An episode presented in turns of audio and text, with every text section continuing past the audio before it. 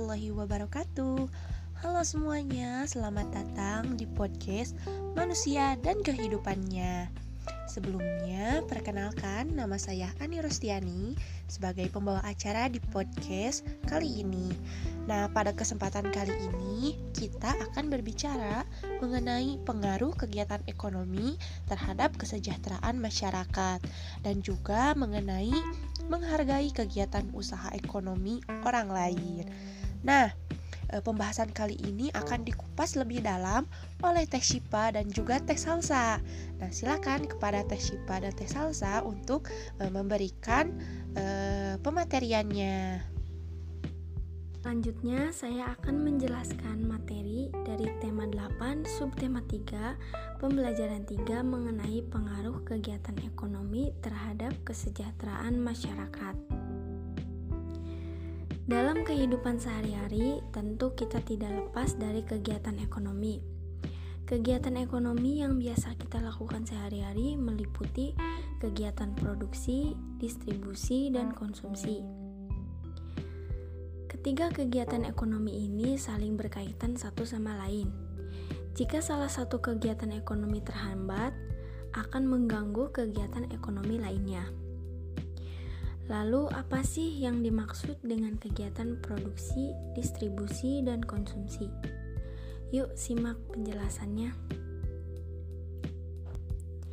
Seorang petani menanam padi di sawah, lalu memberi pupuk dan menyiangi rumput yang tumbuh di sela-sela tanaman padi. Setelah bulir-bulir padi mulai bernas, petani mengusir burung-burung yang berusaha memakan bulir-bulir padi itu. Saat padi menguning, itulah saatnya petani memanen. Hasil panen lalu dijual. Dari ilustrasi tersebut, si petani telah melakukan kegiatan produksi. Jadi, produksi adalah kegiatan yang dikerjakan untuk menambah nilai guna suatu benda atau menciptakan benda baru, sehingga lebih bermanfaat dalam memenuhi kebutuhan. Orang yang melakukan kegiatan produksi disebut produsen. Kegiatan produksi berpengaruh terhadap kesejahteraan pemilik sumber daya ekonomi dan produsen. Sumber daya ekonomi adalah barang atau jasa yang dapat memberikan manfaat atau keuntungan. Sumber daya ekonomi dapat berasal dari sumber daya alam atau sumber daya manusia. Sumber daya ekonomi dapat diolah menjadi modal dasar pembangunan. Bagi pemilik sumber daya ekonomi, adanya proses produksi memungkinkannya memperoleh barang jasa. Barang jasa ini berupa sewa, bunga modal atau gaji. Dengan balas jasa ini, pemilik sumber daya ekonomi dapat memenuhi kebutuhan hidup. Bagi produsen, adanya proses produksi menyebabkan produsen memperoleh keuntungan. Selanjutnya, keuntungan tersebut digunakan untuk menjaga kelangsungan usaha dan memenuhi kebutuhan hidup. Ini dilakukan upaya mencapai kemakmuran hidup. Yang kedua, distribusi. Setiap hari kita makan dan mengenakan pakaian. Bahan makanan tersebut dihasilkan di suatu tempat tertentu. Pakaian juga diproduksi di tempat tertentu lainnya. Untuk mendatangkan bahan makanan dan pakaian diperlukan kegiatan penyaluran. Kegiatan inilah yang disebut distribusi.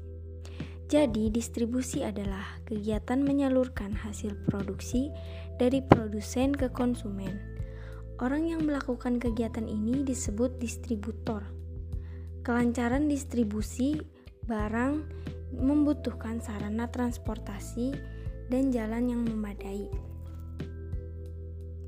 Tujuannya agar hasil produksi dapat segera sampai kepada konsumen dengan cepat dan tepat sehingga kebutuhan konsumen segera terpenuhi. Dan yang terakhir konsumsi. Konsumsi adalah kegiatan manusia mengurangi atau menghabiskan nilai guna suatu barang atau jasa untuk memenuhi kebutuhan. Orang yang melakukan kegiatan konsumsi disebut konsumen. Untuk mengonsumsi barang atau jasa, masyarakat mengeluarkan pengorbanan tertentu. Pengorbanan dapat berupa uang atau waktu. Kegiatan ekonomi dapat berdampak positif terhadap peningkatan kesejahteraan masyarakat. Nah, selanjutnya akan dijelaskan oleh Tesalsa. Nah, selanjutnya saya akan menjelaskan materi dari tema 8, subtema 3, pembelajaran 4, mengenai menghargai kegiatan usaha ekonomi orang lain. Setiap orang akan melakukan kegiatan ekonomi untuk memenuhi kebutuhan hidup. Ada yang menjadi petani, penjahit, pedagang, nelayan, pegawai swasta, pegawai negeri, tenaga medis, pengusaha, dan lain sebagainya. Kegiatan ekonomi yang dilakukan setiap orang melibatkan orang lain. Keterlibatan orang lain dapat dilihat dari kegiatan produksi, distribusi, dan konsumsi. Pada kegiatan produksi, orang yang terlibat adalah tenaga kerja. Pemakaian tenaga kerja dimaksudkan untuk memperlancar kegiatan produksi. Tenaga kerja akan memperoleh balas jasa dari produsen berupa upah atau gaji. Selanjutnya, barang hasil produksi akan disalurkan kepada konsumen atau masyarakat melalui distributor. Dari kegiatan penyaluran barang tersebut, distributor akan memperoleh keuntungan. Contoh distributor adalah agen, pedagang besar, dan pedagang eceran.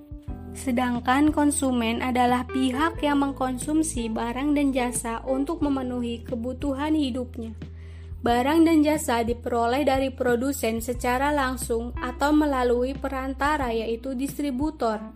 Ketiga pelaku kegiatan ekonomi tersebut, yaitu produsen, distributor, dan konsumen akan saling berhubungan membentuk arus diagram ekonomi.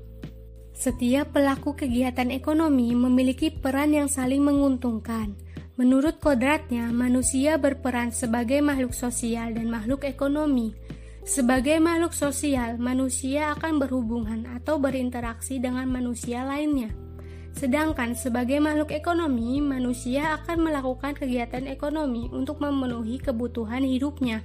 Dalam kehidupan sehari-hari, baik sebagai makhluk sosial maupun makhluk ekonomi, manusia hendaknya memiliki etika moral. Dengan etika moral, manusia dapat menghargai setiap kegiatan ekonomi yang dilakukan oleh orang lain. Sekarang, coba amati pakaian yang kalian kenakan. Bagaimana proses produksi pakaian tersebut? Untuk menghasilkan pakaian dibutuhkan waktu yang cukup lama. Pada mulanya, produsen pakaian membutuhkan bahan baku kain dan benang. Kain dapat diperoleh dari perusahaan pemintalan benang sedangkan bahan baku benang berupa kapas yang dihasilkan dari perkebunan tanaman kapas. Untuk menjadi benang, kapas dipintal terlebih dahulu, benang ditenun di pabrik tenun hingga menjadi kain. Selanjutnya, kain dapat dibuat pakaian oleh penjahit. Itulah proses panjang dari produksi pakaian. Nah, sekarang kalian sudah mengetahui bahwa banyak pihak yang terlibat dalam proses produksi pakaian. Ada petani tanaman kapas, pekerja pemintalan, penenun kain, penjahit, dan pengusaha garmen. Setiap pelaku dalam proses produksi pakaian itu mempunyai peran yang sangat penting. Begitu pula dalam proses produksi benda lain. Oleh karena itu, hendaknya kita perlu menghargai kegiatan usaha ekonomi orang lain.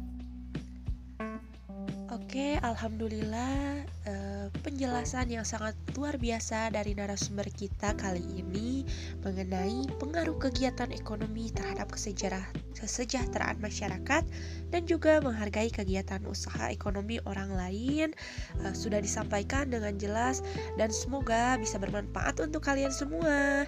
Cukup sekian podcast kali ini. Sampai jumpa di podcast selanjutnya ya.